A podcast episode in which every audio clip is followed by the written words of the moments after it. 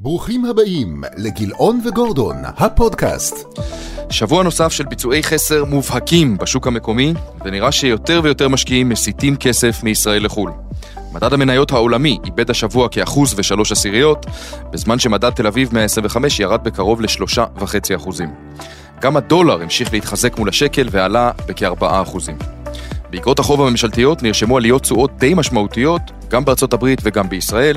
מדד אג"ח כללי בארצות הברית ירד באחוז וארבע עשיריות, בזמן שמדד אול בונד כללי בישראל איבד קרוב לאחוז. הנפט תיקן השבוע את כל הירידות של השבוע שעבר ועלה בכתשעה אחוזים לרמה של כ-80 דולרים. בפרק הנוכחי נדון בכל הנושאים החמים ונציג תיק השקעות חו"ל יעיל ואפקטיבי, שיהווה להערכתנו סוג של פיתוח פיננסי למקרה של יישום ההפיכה המשפטית בישראל והאפשרות להחמרת ביצועי החסר של השוק המקומי ביחס לעולם, רלוונטי מתמיד, חקיקה לדעתי מתחילה כבר מחר. אהלן דרור, מה שלומך? טוב נדב, מה שלומך? אנחנו אחרי שבוע סוער יחסית בשווקים, יש לנו הרבה נושאים שיכולים לתת הרבה מאוד ערך, גם ללקוחות וגם למשקיעים שמאזינים או צופים בנו. בוא נתחיל מביצועי החסר של השוק המקומי, האם ניתן להסיק מהם שההשקעה בארץ הפכה למסוכנת יותר? ניתן חלקית לפי, ה... לפי המספרים, רואים את זה בחלק מהסגמנטים, בחלק עוד לא, אבל בשורה התחתונה נראה שלאט לאט התמונה מתבררת כבעייתית מאוד למשקיעים בישראל. אז איפה אנחנו רואים בעיקר את הפערים? בדולר, שעלה, בדרך כלל אנחנו רגילים לראות את הדולר, נכון. מתחזק כששוק המניות בארצות הברית יורד והפוך. בתקופה האחרונה, בשבועות האחרונים, אנחנו רואים uh, התנתקות, זאת אומרת שוק המניות בארצות הברית עולה, הדולר מתחזק. שוק המניות בארצות הברית יורד, הדולר מתחזק. או במילים אחרות, השקל נחלש uh, מול הדולר וגם uh, מול מטבעות אחרים. אז uh, מהבחינה הזאת, אנחנו רואים את זה היטב, כשמסתכלים על תל אביב 125 מול מדד המניות העולמי, אז רואים ביצועי חסר מובהקים. מי שצופה בנו כרגע ביוטיוב אז יכול לראות את הגרף מי שלא נתאר אז רואים את מדד ה-MSCI World מדד המניות העולמי mm-hmm. עולה בשבוע האחרון קצת יורד אבל בסך הכל חיובי 6 אחוזים ו-6 עשיריות מתחילת שנה. מדד uh, תל אביב 125 לעומת זאת ממש uh, רואים מין uh, צניחה די משמעותית והוא מתחילת שנה במינוס 2 אחוז כשעיקר הירידות זה באמת הייתי אומר מתחילת החודש מתחילת פברואר. איפה אנחנו לא רואים? כרגע השפעה לרעה על ישראל. אנחנו לא רואים בתשואות באגרות החוב השקליות, וזה אולי נובע מכך שהיו עליות תשואות די משמעותיות בארצות הברית, אז השוק הישראלי אולי עוד לא הדביק, אבל בסך הכל פה אנחנו רואים די אה, ביצועים דומים בשוק אגרות החוב. וה-CDS, הפרמיה, כמה עולה לבטח את אה, ההשקעה באיגרת החוב של מדינת ישראל לעשר שנים. מפני פשיטת רגל? מפני פשיטת רגל. זה נתון שכדאי לעקוב אחריו בצורה שאתה חושש ממשהו אז בדרך כלל מסתכלים כמה עולה לבטח את אותו משהו.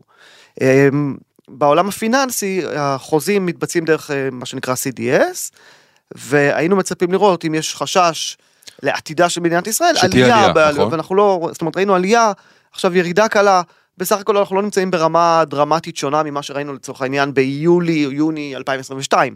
אז אנחנו מה רואים... מה הפרשנות שלך לזה אגב? זאת אומרת מצד אחד אתה אומר שהדולר כן ממשיך לעלות לא משנה מה השוק עושה, מצד שני ה-CDS אה, אה, ירד קצת השבוע, שבוע שעבר?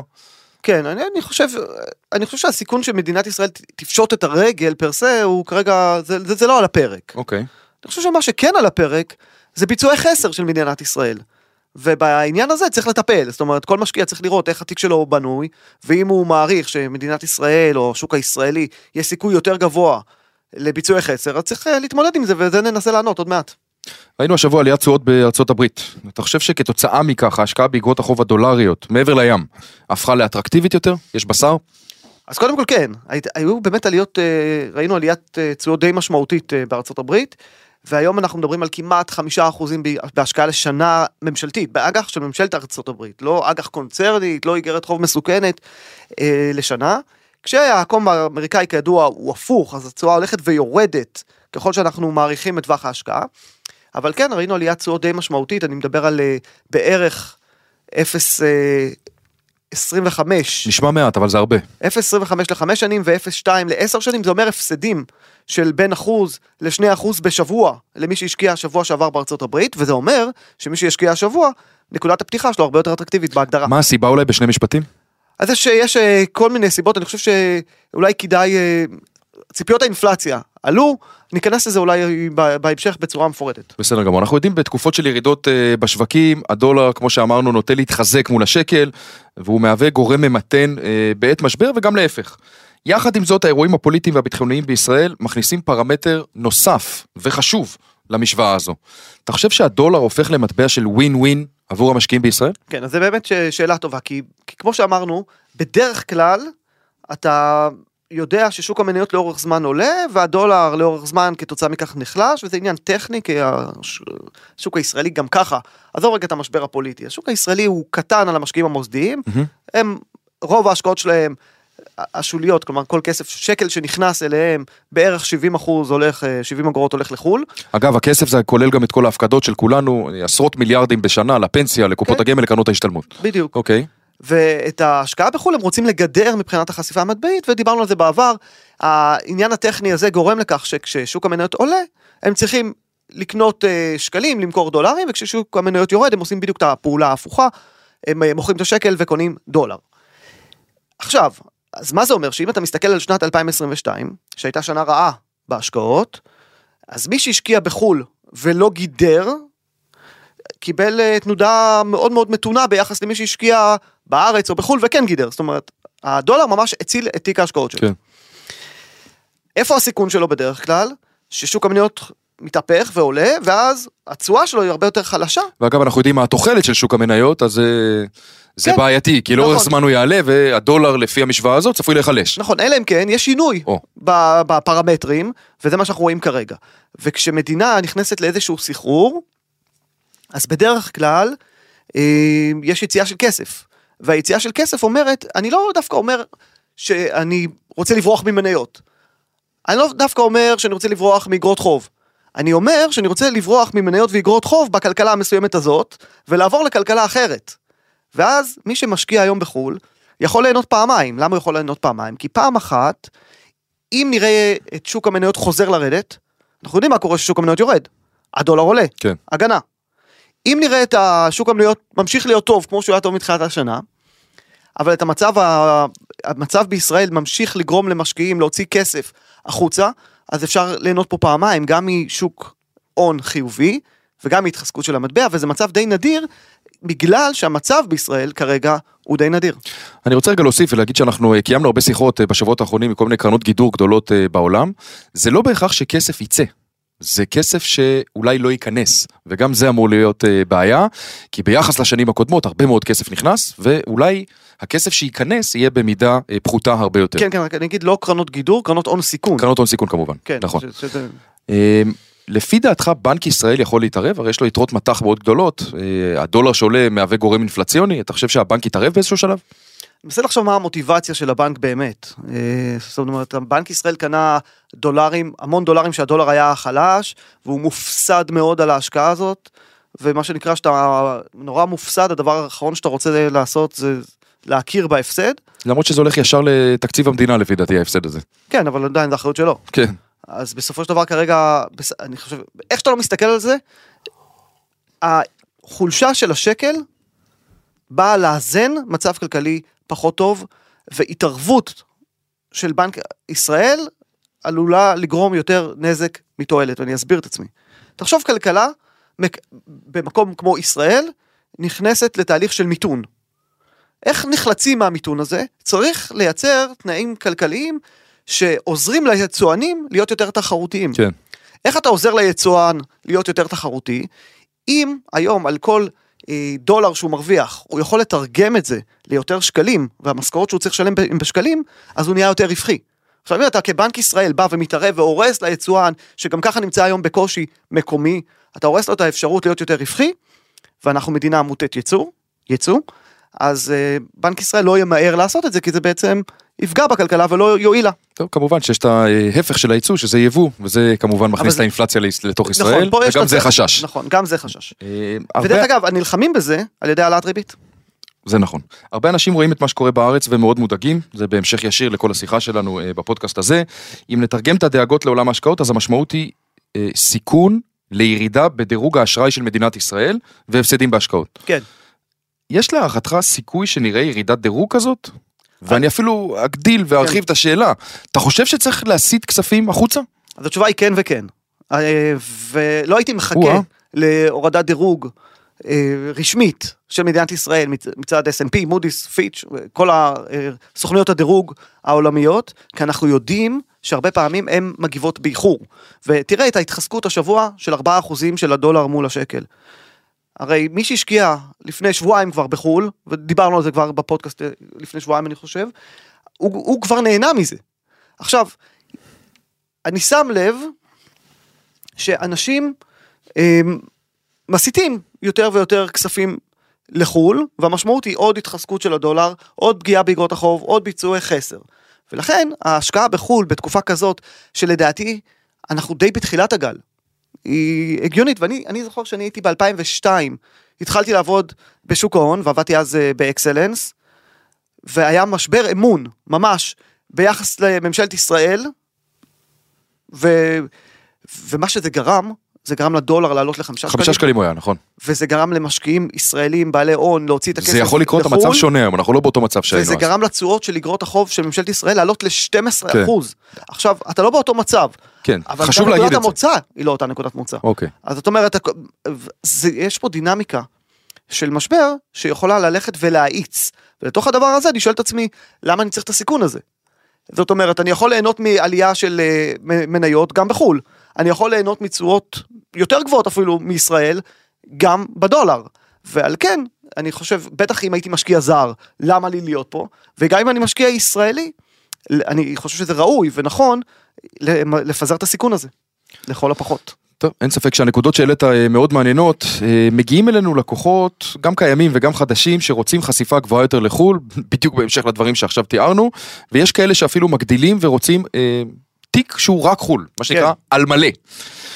אה, הסיבות מגוונות, יש חשש אמיתי לעתיד המדינה והחופש להוציא כסף מהארץ בעתיד ועד לשיקול אה, השקעתי קר שאומר אנחנו מבינים שהסיכון המקומי עלה ומעוניינים להגדיל את החשיפה לחו"ל, כל אחד וסיבותיו הוא.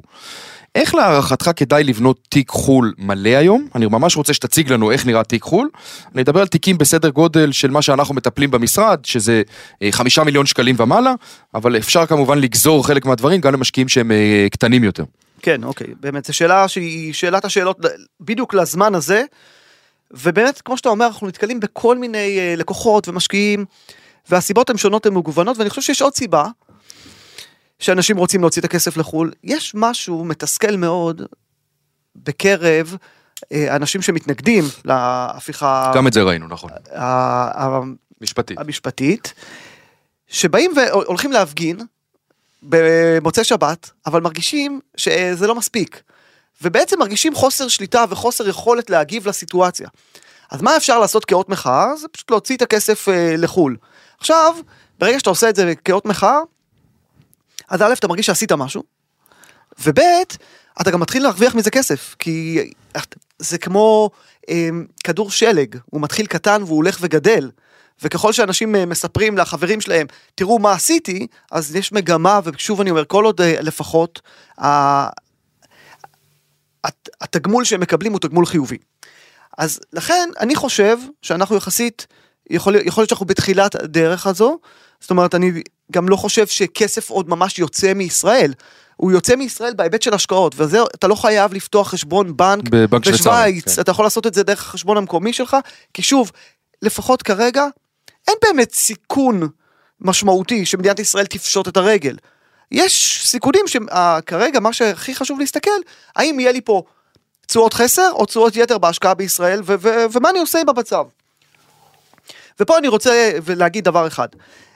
קודם כל, אנחנו לא מוציאים, לא צריך לפתוח את הכסף כאילו בחו"ל, אנחנו רוצים לראות איך אנחנו מייצרים תיק חו"ל מפה בקלות, לא בעלויות גבוהות, די במהירות ומאוד מאוד אפקטיבי ויעיל. בוא נתחיל. רכיב אה, מנייתי, נתחיל איתו? כן, אז נתחיל ברכיב מנייתי שאנחנו עשינו בו מין תיק מאוזן כזה, כמובן שאין פה ייעוץ השקעות, שיווק השקעות, אה, אנחנו מדברים על משהו כללי, שלכן הלכנו על איזשהו תיק מאוזן, ובסוף כל אחד יש לו את הצרכים שלו, וצריך לקבל אה, ייעוץ פרטני אצ... בכל, אצלנו או במשרד אחר. תודה על ה disclaimer. אז אנחנו מתחילים מתיק של 35% מניות, ובתיק הזה יש כמה רכיבים. הרכיב הראשון, הרובד הראשון, הוא תיקון 190. אז קודם כל, המושג תיקון 190, אנחנו מדברים על קופת גמל, מי שירצה להרחיב על תיקון 190 יש לנו גם יש לנו פרק שלם על. פרק שלם על זה, אז אני אעבור על זה מהר כי זה לא העיקר, אבל זה קופת גמל, היא היא נזילה למי שיש לו פנסיה כבר, או יכולה להיות אה, כל דבר אחר. אבל זה השקעה שהיא בתוך קופת גמל, ופה אני מדבר על אה, קופת גמל שמתנהלת באמצעות מדדים פסיביים. עכשיו, מדד פסיבי זה משהו שאנחנו, קרן סל או משהו כזה, זה משהו שאנחנו פחות אוהבים. אנחנו פחות אוהבים כי המ- המדדים הפסיביים הם בדרך כלל הולכים... מוטים למש- לטובת המניות המנופחות. בדיוק. הם מוטים, הגדרת את זה מדויק, מוטים לכוו- לכיוון המניות המנופחות, כלומר ככל שמניה היא יותר יקרה, המשקל שלה במדד יעלה, ובעצם הקרן אה, העוקבת תקנה יותר מהדבר היקר הזה. אנחנו לא רוצים. אבל יש היום אה, מדדים יותר חכמים, שהם לא פועלים אוטומטית רק לפי שווי שוק, אלא הם רוצים לראות איזשהו טוויסט בעלילה. למשל, מניות ערך. אז רוצים לראות שבאמת מניה יש לה תשואה דיבידנד יחסית גבוהה, או שהיא זולה יחסית. אז זה גם כן משהו שהוא משמעותי, זה לא רק השווי שוק. הדבר השני, יש אה, מניות אה, צמיחה. אז כשאתה מדבר על מניות צמיחה, צמיחה מתי? אז צריך לראות פה איזושהי, איזושהי שיטה או שיטתיות שהרווח או המכירות הולכות ועולות כל שנה וגם התחזית קדימה היא תחזית להמשך צמיחה. ויש עוד משהו, מומנטום, אנחנו יודעים לפעמים שיש מניות שהן אולי זולות וזה לא הזמן שלהן. ויש מניות, שהן אולי יקרות וזה כן הזמן שלהן. אז יש איזשהו מדד שאפשר לעשות בתוך קופת גמל וזה אה, משהו שאנחנו בתוך התיק שלנו רוצים להקצות לו 10%. אוקיי, רציתי לשאול כמה, אז עשרה אחוזים מסך התיק באינדקס כזה, אה, בתוך קופת גמל בתיקון בתוך 190. קופת גמל אה, לפי תיקון 190. כן, אוקיי. דרך אגב זה לא חייב להיות בתיקון בדיוק. 190. זה יכול להיות בכל קופת גמל, דרך אגב זה גם בקרן השתלמות יכול להיות. תלוי איך, איך משחקים עם זה, תלוי בין כמה אתה, תלוי מה הצרכים שלך. נתתי פה כדוגמה תיקון 190, אבל מי שיותר צעיר, רחוק מגיל 60, משהו כזה, יכול לעשות את זה גם בדרכים אחרות. אוקיי, אז יש לנו עשרה אחוז, נותרו 90. אנחנו עדיין ברכיב המנייתי, מה החלק הבא? אז אני מזכיר, הרכיב המנייתי צריך להגיע ל-35 אחוזים. אז יש לנו 10 אחוזים בחלק הזה. אה, הדבר הבא, זה השקעה, בוא נקרא ככה, ממש אה, מבוססת מחקר מעמיק, אחרי מניות ערך בעולם המערבי. זאת אומרת, אתה רוצה אה, להיחשף פה במקרה הזה למניות שהנתונים הכספיים שלהם הם אמינים, שיש הרבה מאוד אה, נתונים סטטיסטיים גם היסטוריים על אותן חברות, ואז בעזרת אה, מערכת אה, ממוחשבת, אתה יכול לנטר הרבה מאוד חברות, ולהגיד אוקיי, מתוך היוניברס הענק הזה, המחשב סרק את כל הפרמטרים שהגדרנו מראש, ויש לנו עכשיו איקס מניות מעניינות. על ה-X מניות האלו, אנחנו עכשיו נצמיד אנליסטים, נעשה מחקר מעמיק ברמה כזאת שנכיר את החברה יותר מהמנכ"ל, אוקיי. ואת זה נכניס לפורטפוליו שלנו. כמה אחוזים? הקרן הזאת, דרך אגב, זה קרן גידור אגב. זו קרן שהיא לא קרן גידור, היא קרן השקעה, כי היא קרן לונג, אוקיי. זאת אומרת היא לא מגדרת. אוקיי, זו שום נקודה דבר. חשובה, זה קרן לונג. כן. נכון, ו- והביצועים שלה דרך אגב, הם אה, ביצועים הרבה יותר טובים מהמדדים לאורך זמן, וחשוב אה, גם את זה להגיד. כמה אחוזים? אה, אז למשל התשואה השנתית, כמה אחוזים בתיק? כמה אחוזים מתוך התיק? כן, עשרה אחוזים גם כן. אוקיי, אז אנחנו ב-20 אחוז, נותרו לנו 15 אחוז לרכיב המנייתי. נכון. המשך. כן. הקרן הבאה היא קרן שהיא מנוהלת על, על ידי בחור מאוד, אה, זאת אומרת מישהו שגדל בתחום האנליזה, שעושה עבודה מצוינת באסטרטגיה של לונג, לפעמים גם שורט, לגמים, לפעמים גם עודף שורט על לונג, כלומר חשיפה שלילית לשוק, זו קרן לחלוטין גמישה, ויש צורך בדבר הזה היום, כי השוק אנחנו יודעים לפעמים מייצר עיוותים לא רציונליים, גם במניות מאוד מאוד אה, קטנות של חברות שהן בהגדרה בפשיטת רגל, ולפעמים החלום זה שיבוא מישהו ויגיד אוקיי הדבר הזה צריך אה, לזרוק אותו, אז סתם לסבר את האוזן הקרן ב-2022, הקרן שאנחנו מדברים עליה, ש-S&P 500 ירד ב-20% והנסדק ירד ב-30%, הקרן הזאת עלתה ב-19%. וגם אה, חודש ינואר השנה שהיה חודש מאוד חזק, הקרן עלתה מאוד מאוד יפה, זאת אומרת יש פה באמת אה, אה, מנהל השקעות מאוד מוכשר, אבל היות וזה קרן של מנהל השקעות אה, שבאמת תלות במנהל השקעות אחד, אז חמישה אחוזים. אוקיי? יפה. הדבר הבא, שזה משלים את החלק האחרון של המניות, נותרו לנו 10 אחוזים. נכון. אז אנחנו מדברים על אה, פוליסת חיסכון עם מסלול חו"ל. עכשיו פוליסת חיסכון זה מסלול השקעה מאוד מאוד נזיל, יש בו כל מיני מסלולים, יש הרבה מאוד אה, משקיעים, לקוחות, שכבר היום יש להם פוליסת חיסכון, במסלול כללי, במסלול אג"ח, במסלול, כל מיני מסלולים. אפשר להסיט את הפוליסת חיסכון הזו בלחיצת כפתור. בלחיצת כפתור באפס עלויות, ללא אירועי מס, למסלול חו"ל. אגב, לא בכל הגופים, אבל יש כאלה שמציעים את זה. לגמרי לא בכל הגופים, אבל יש גופים אה, ראויים מאוד שעושים את זה, ומי שמסתכל גם אה, כרגע ביוטיוב יכול לראות את המבנה של המסלול חו"ל שאנחנו מדברים עליו, ויש בו גם מניות, גם אגרות חוב, וגם נכסים לא סחירים, מה שנקרא private equity, קרנות גידור, כן. השקעות אלטרנטיביות. בסך הכל המסלול הזה הוא חשוף 100% לדולר או למטח, והחשיפה המנייתית היא בסביבות 40 אחוזים, קצת יותר, 42 אחוז, כולל אופציות. אה, אבל מה שאנחנו מדברים פה, לקחת רק את החלק המנייתי, לצבוע אותו ולהגיד, אוקיי, זה 10 אחוזים שאנחנו רואים למניות. אוקיי, אז סיימנו 35% מניות, בואו רגע נדבר על התיק אה, ככלל. אה, מה מה החלוקה עכשיו? נשארו אגרות חוב והשקעות אלטרנטיביות? כן, באיזה היא- חלוקה? אז אנחנו רוצים 40 אחוז אגרות חוב, ועוד 25% ועוד עשרים- בנ- בהשקעות אלטרנטיביות. ונדבר עכשיו על אגרות החוב. קדימה.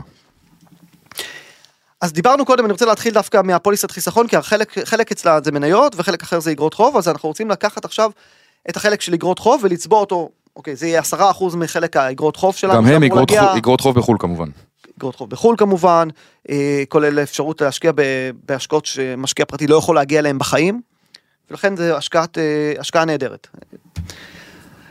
הדבר הבא זה מוצר שרוב האנשים פחות מכירים, ומדובר במוצר שנקרא CLO, שהוא משקיע בריבית משתנה, באגרות חוב עם בטוחות, או בחירות בארצות הברית. עכשיו, כשאני אומר אגרות חוב, זה, זה משהו שיש אגרות חוב שכירות ויש אגרות חוב לא שכירות, ויש CLO. collateralized loan obligation אגב. נכון, שזה מוצר שבעצם מיועד לגופים מאוד גדולים. הרי כן. כשגוף, חברה מסוימת רוצה לגייס סכום קטן, היא הולכת לבנק, מנפיקה אג"ח, הכל בסדר. כשהיא רוצה לגייס סכום גדול, בדרך כלל היא לא תבוא, נגיד, בוא, בוא נעשה- את זה רגע בישראל, לבנק אה, דיסקונט, בוא תביא לי 300 מיליון שקל. כי בנק דיסקונט יגיד, "תראה, נגיד הרבה, בוא נעשה קונסורציום של כמה בנקים, נלך לבנק פועלים ובנק לאומי, וביחד ניתן לכם אה, את ההלוואה הזאת, אם זה שווה. עכשיו, חלק מה... בארצות הברית, חלק מהקונסורציום מופנה לקרנות אה, CLO.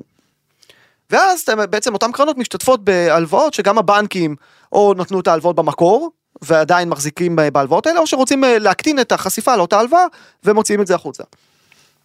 וזה מכשיר שלכאורה הוא קצת אה, מורכב, יש פה כל מיני אה, רמות סיכון שאתה יכול לבחור, כל ההלוואות בריבית משתנה. ומה ש, שניתן להגיד, יש פה שכבות. יש פה שכבה אחת שהיא הכי מסוכנת, שזה נקרא שכבת ההון. השכבה הזאת היא הראשונה להפסיד כסף. ה equity. נכון.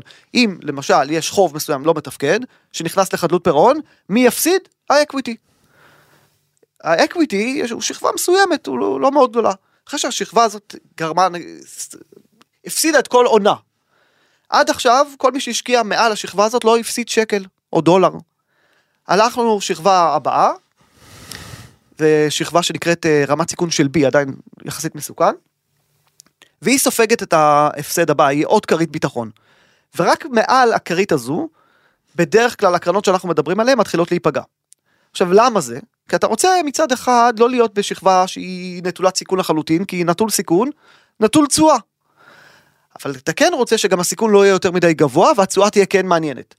וברכיב הזה, בשכבה הזאת של, אה, שהיא השכבה השלישית או הרביעית, כלומר יש שתי שכבות, מה התשואה הגלומה? מה התשואה הגלומה? רגע, התשואה הגלומה היא בערך 10 אחוזים, אבל עוד רגע נדבר על זה וזה ריבית משתנה. אני רוצה לדבר על הסיכון. כי בסופו של דבר, 10 אחוז תשואה זה אם אתה מקבל את התשואה.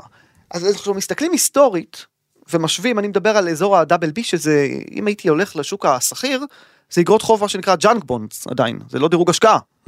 ובשוק הסחיר, שיעור פשיטות הרגל באזור, באזור הזה הוא 2% לשנה. ב-CLO שיעור פשיטות הרגל הוא 0.08% לשנה. ו- ו- ואחרי שפשטת את הרגל, שאתה אומר אוקיי, recovery. יש recovery. כן. אז אפשר לראות שגם ה recovery במ- במקרה של פשיטת רגל הוא יותר גבוה ממה שמקובל בשוק הסחיר, הוא 80% לעומת 60%, וזה אומר שגם אם יש טעות, גם אם הגעת למצב בעייתי, יש נכסים שאפשר לממש ולהחזיר את רוב אני ההלוואה. רוצה, אני רוצה להקשות עליך, כי באמת אה, בשנים האחרונות גם הריבית הייתה אפסית וגם הבורסות היו טובות. בוא, בוא ניקח למשל מוצר כזה, איך הוא התנהג בשנת 2008? כן, יש פה שלוש אותיות, שלוש אותיות תמיד מזכיר לאנשים את 2008, כן. ו-MBSים ו- ו- ו- וכל מיני, אז, אז, אז אנחנו, בניגוד למוצרים האחרים שלקחו הלוואות רק מסגמנט אחד, של נדל"ן, וארזו אותם לתוך כל מיני מוצרים ש, ש, שיש בהם גם שכבות ואז זה מזכיר לאנשים. המוצר הזה הוא לא, הוא לא חשוף רק לסגמנט אחד, לתעשייה אחת, ל- לענף אחד. אז מה היה ב-2008? ו- ולכן בגלל הפיזור המאוד גדול ב-2008 שיעור חדלות הפירעון בסגמנט הזה של הדאבל בי ב-CLO אה, אה, היה חצי אחוז בלבד. ובסופו של דבר ראינו שזה החזיק מעמד מאוד מאוד יפה גם בגלל הפיזור גם בגלל איכות האשראי ויתרה מכך לאחר 2008 לפחות אה, עד 2022 שעוד אין לי נתונים אבל אה, היו מעל 6,000 עסקאות עם אפס חדלות פירעון. בסגמנט הזה. אוקיי, אז אנחנו עדיין ברכיב האג"ח, דיברנו על ה-CLO, כמה אנחנו מקצים לו?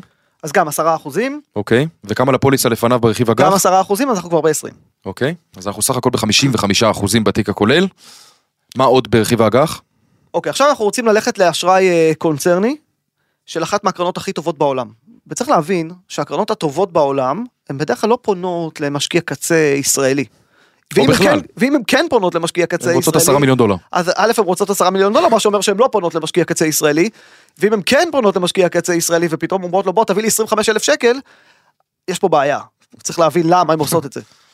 אבל אה, הגופים עצמם, הם כן רוצים, זאת אומרת גופים אה, אה, מוסדיים, או בתי השקעות כן רוצים להנגיש את זה ל- לישראלים, ואז מה שהם עושים, הם מייצרים איזושהי קרן על, שהיא מגייסת כסף ממשקיעים ישראלים בדרך כלל כשירים, feeder. יש גם מה שנקרא ניצאים, feeder, ובאמצעות הקרן הזאת, ה master fund, הם הולכים ורוכשים את אותה קרן מובילה בעולם, ומבחינת הקרן הם רואים משקיע אחד של. אותו גוף מוסדי, מבחינתנו כמשקיעים אנחנו אה, יכולים להכניס גם סכומים הרבה יותר קטנים, זה גם לפעמים 100-150 אלף דולר, מה הקרן עושה? ואז אתה יכול לקבל גישה לקרן שמנהלת אה, בסביבות 375 מיליארד דולר בקטנה. באשראי, כן, ועוד 150 אלף דולר, מיליון דולר, מ- סליחה, מיליארד דולר, כן?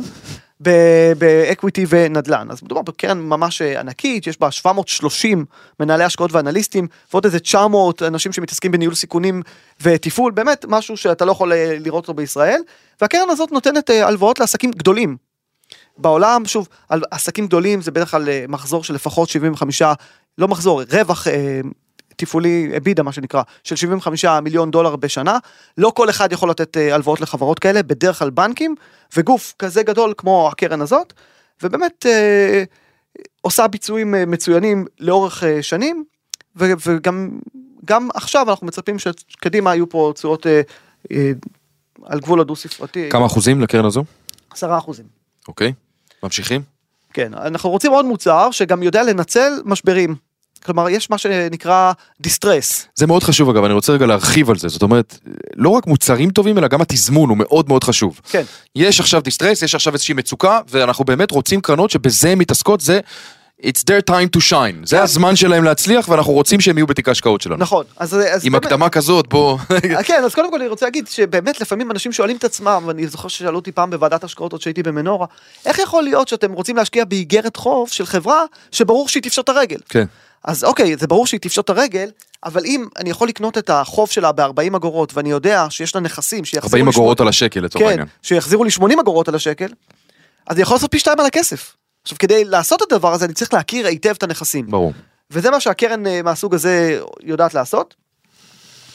אז אה, אני אגיד שזו קרן שקיימת 20 שנה, מעל, מעל 20 שנה, עם 47 מיליארד אה, דולר נכסים, תשואה שנתית מאז שהיא קמה, 9.5 אחוזים, ואפילו בשנת 2022 הצליחה לעשות תשואה חיובית של אחוז 95, אז אני חושב ש- שיש לנו פה מוצר בהחלט חזק מאוד לשוק החוב. אוקיי, זה סגר אותנו עם איגרות החוב. עם אגרות החוב. והחוב. עכשיו אנחנו בהשקעות אלטרנטיביות, נותרו לנו 25 אחוזים. נכון. אז המטרה של השקעות אלטרנטיביות זה לייצר מצב שגם אם אנחנו, שוק ההון גרוע במניות ובאגרות החוב, יהיה עוד מוצר שיוכל לעלות. ופה אנחנו רוצים, אחד, אה, השקעה ראשונה, אגד קרנות של קרנות גידור בעולם. יש הרבה מאוד קרנות גידור. חלקן טובות יותר וחלקן טובות פחות. אתה רוצה לקחת את, האגרו, את הקרנות הטובות יותר, ששוב, קשה להיכנס אליהן כקרן בודדת, להכניס את זה לאיזשהו סל ו- ולקנות רק את הקרנות הטובות. ויש אה, קרן שיודעת לעשות את זה ועושה את זה כבר אה, מספר לא, לא מבוטל של שנים. אז אה, אסטרטגיות של קרנות גידור יכולות להיות שונות ומשונות, אבל מה שמאפיין אותן זה שהן יכולות לעלות גם כששוק ההון יורד. ולראיה הקרן הזאת שאנחנו מדברים עליה עלתה בשנת 2022 ב-7%. דרך אגב, אני בכוונה לא נוקב בשמות הקרנות, כי אסור לנו. אסור לנו על פי החוק, זה... רוב ההשקעות הן לכשירים או לספור ניצעים וכולי, אנחנו לא... לכן אנחנו מדברים באופן כללי, כן. וכשיבוא משקיע אלינו למשרדים, לא, גם לא, גם לא, צרכים, גם לא לכל אחד תתאים נכיר ה... ונתאים לו בדיוק. כן, ה allocation הזאת לא מתאימה לכל אחד, צריך לעשות פה איזשהו תהליך. אוקיי. כן. אז אוקיי, אז אה, מה שאפשר לראות, מי שצופה בנו ומי שלא אני אתאר, הקרן גידור, ה master fund של הקרנות גידור, אז אפשר לראות פה תשואות מ-2005. והיא הולכת ועולה, והיא בתנודתיות מאוד נמוכה. לעומת זאת, מדד אה, מניות העולמי, גם הולך ועולה, אבל בתנודתיות הרבה הרבה יותר גבוהה, וכרגע היא עשתה יותר טוב ממדד המניות העולמי, אבל זה לא תמיד היה ככה, לפני שנה וחצי מדד המניות העולמי עשה יותר טוב, מה שכן, הרווחים הם בסיכון הרבה יותר נמוך, כי הסטיית תקן הרבה יותר אה, נמוכה. אוקיי. זה קרן אחת, אז אמרנו עשרה אחוזים. הקרן השנייה עם אה, שמונה אחוזים, זה קרן private equity עם נזילות. ופה אני חייב להסביר רגע את העולם של private equity. כי private equity זה המוצר כמעט היחידי שבאופן מובהק מכה את המניות לאורך זמן. זאת אומרת, מקובל להגיד ששוק המניות עושה את התשואות הכי טובות. מהמם. אז מי שמסתכל, יש פה גרף שמראה את האינדקס של ה private equity מול מדד המניות העולמי, שבשני המצבים אה, בן אדם הפקיד 25 אלף דולר אה, בשנת 2001, ומה היה לו בסוף 2021. אז אה, 20 שנה. אז אפשר לראות שמי שהשקיע בקרנות private equity, מכר ונשאר עם רווח של, אה, או עם אה, הון של 402 אלף דולר, ומי שהשקיע במדד המניות העולמי עשה רק 101, אה, אה, 107 אלף אה, דולר, זאת אומרת כמעט פי 4 לא רע. תשואה על private equity. עכשיו, מה זה private equity? private equity בדרך כלל אה, זה קרנות השקעה מאוד אה, גדולות, עם אנשים עם הרבה מאוד קשרים ומאוד מוכשרים, שמגייסים כסף מגופים מוסדיים, ובכסף הזה הם הולכים ופונים לרכוש חברות בינוניות או טובות, מבצעות שם שינויים ניהוליים ו/או אחרים, והופכות את אותן חברות לטובות או מצוינות, ואז מוכרות לצד ג' או מנפיקות בבורסה ועושות רווחים אדירים. העניין הוא שזה לא תהליך שקורה ביום. ולכן אם באתי ואני הקמתי קר- קרן private equity וגייסתי כסף, אני לא תוך יומיים עושה את זה, והכסף גם לא נזיל, לכן זה לא מתאים לכל אחד. אלא, ש... אז מה שאני עושה, אני פונה לאותו גוף, אני אומר תקשיב, אתה יכול להשקיע, הכסף נעול ל-10, 12, 15 שנה. ומה קורה אם אחרי חמש שנים, אותו גוף שהשקיע את הכסף, יש לו שינויים רגולטוריים, ועכשיו הוא צריך להגדיל את ההון הנזיל שלו. חייב למכור. חייב למכור. או שזה זה משפחת אה, עושר ענקית, שרוצה לקנות, אה, להיכנס להשקעה בחברה חדשה, או יש הזדמנות והיא צריכה את הכסף. צריכה את הכסף. היא כאילו תקועה, אותן חברות תקועות, או הגוף הזה, המשפחה תקועה. אז יש קרנות שנקראות קרנות סקנדרי, שבאות ורוכשות מאותן משפחות או אותם אה, גופים, את ההחזקות באותן קרנות private equity באמצע החיים שלהם. בדיוק, ואז א' כמשקיע אתה יותר קרוב לאקזיט, וב' אה, אתה יכול לעשות, אה, אתה צריך להחזיק בהחזקה פחות זמן, ויכול לעשות תשואה אפילו עוד יותר גבוהה, כי אתה יכול לפעמים לקנות את זה בדיסקאונט. אוקיי. החיסרון של הקרנות secondary זה שבדרך כלל הן לא נזילות גם כן. ובקרן שאנחנו מדברים, בגלל שזה מיועד למשקיעים אה, פרטיים, יש נזילות. היא לא מלאה בזה, אבל אה, יש איזה מישהו רוצה, יש פה איזשהו קנס בשנה הראשונה, בשנה השנייה אפשר כבר לצאת, ולכן זה, במקום להיות סגור ל-10-12 שנה, אתה יכול אחרי שנה כבר לצאת מה, מההשקעה הזאת אה, בלי שום בעיה. אז זה אה, עוד 8 אחוזים לדבר הזה. נותרו לנו שבעה אם אני נכון נכון. בספירה? אוקיי. אז אלה זה הולך למה. שנקרא multi strategy בחו"ל. זה קרן שמשקיעה בשלוש או בשלושה סוגים של השקעות. אחד זה קוינבסט, שזה אומר שאתה נכנס יחד עם גוף גדול להשקעה ישירה בעסק. בדרך כלל שם יש הרבה מאוד אה, רווחים. ולא כל אחד יכול לגשת ולהשקיע באופן ישיר באותם עסקים. אה, דבר נוסף זה השקעות ישירות בחוב, הלוואות לחוב ישירות, כן. באים ומממנים עסקה. מהמם. כמובן עם ביטחונות, והדבר השלישי זה סקנדרי כמו שדיברנו קודם אז גם הם עושים את זה. הקרן הזאת גם כן בצורה חיובית בשנת 2022 של מעל 8 אחוזים, זאת אומרת אנחנו רואים פה בחלק האלטרנטיבי, שגם בתקופות אה, לא טובות אפשר לעשות אה, תשואות חיוביות וזה משהו מאוד מאוד חשוב. אז יש פה תיק שהצגנו, הגענו- הגענו ל-100 אחוז. כן, הגענו ל-100 אחוז, התיק הזה הוא מאוד מאוד חזק, על. טהרת החול, אה, ובהחלט אה, תיק חזק, מעניין, שגם לוקח את, אה, את רוח התקופה. נכון. ואיפה ההזדמנויות נמצאות באמת, ואיפה אנחנו רוצים להיות. עכשיו אני רק רוצה להגיד שמי שהגיע למסקנה שהוא רוצה 50% חו"ל ו-50% לא לא. חו"ל, אז אפשר לקחת פרוסות מהדבר הזה, וזה בדיוק מה שאנחנו עושים גם עם הלקוחות שלנו. לפני סיום אני רוצה שנחזור רגע לנתונים הכלכליים. אה, ראינו עליית תשואות די דרמטית בארצות הברית, גם בישראל. מה הגורמים? אז אני חושב שאם עד לפני שבוע דיברנו על זה שהשוק, מישהו טועה, הפד או השוק לגבי איך שמתמחרים את התשואות ב- ואת הריבית העתידית, אז השבוע השוק קיבל מכה די חזקה מכמה, מכמה, ז- מכמה זוויות. אז אחד, היה איזה עדכון טכני לנתוני האינפלציה בארצות הברית, שבעדכון הזה אה, שינו את מתודולוגיית העונתיות. כתוצאה מכך, מה שחשבו שהייתה אינפלציית ליבה של 4% ו-3 עשיריות, הפכה ל... סליחה, מה שחשבו שהייתה אינפלציה של 3% ועשירית, כן, הפכה ל-4.3. הפכה ל-4.3, זה שינוי דרמטי באינפלציית ליבה.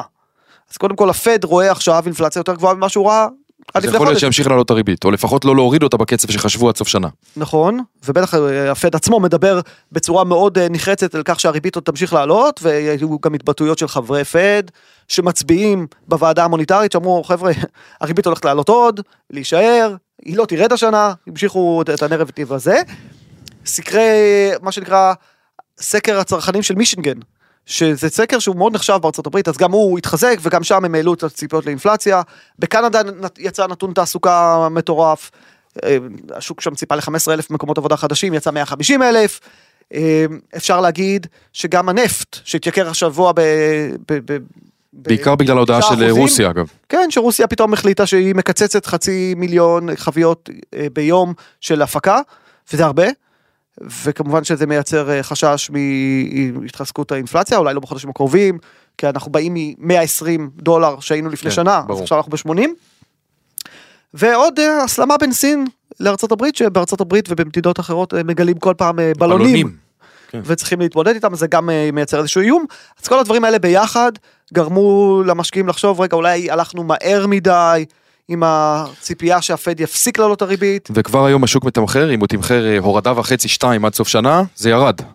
כן, ולא רק זה, גם מתמחר עכשיו שתי עליות ריבית. בסיכוי יותר גבוה. כבר... לפני ההורדה. נכון, עוד לפני ההורדה, וגם ההורדה היא בסוף שנה, רק בדצמבר, אולי אחת. פרק ארוך, אני חושב שחשוב. אה, תיק חו"ל. כן. מי שמעוניין. עוד משהו להוסיף לפני שמסיימים? כן, אני אגיד שהתשואות אה, ב- בארצות הברית ובישראל עלו חזק, אז אני חושב, אני חושב שבאמת מי שיש לו כסף נזיל היום, יש איפה להשקיע. אה, בישראל נמחקו כמעט כל הרווחים מתחילת שנה באגרות חוב הקונצרניות. בממשלתי אנחנו רואים אה, עליית תשואות אה, מאוד משמעותית. ו- ולא צריך לפחד ממה שקורה, צריך פשוט להתאים את תיק ההשקעות למציאות הנוכחית ויש מה לעשות. נסיים עם המילים האלה. תודה דרור, תודה רבה לכל המאזינים, לכל הצופים, אנחנו ניפגש כאן ממש בשבוע הבא. תודה נדב, תודה לכולם.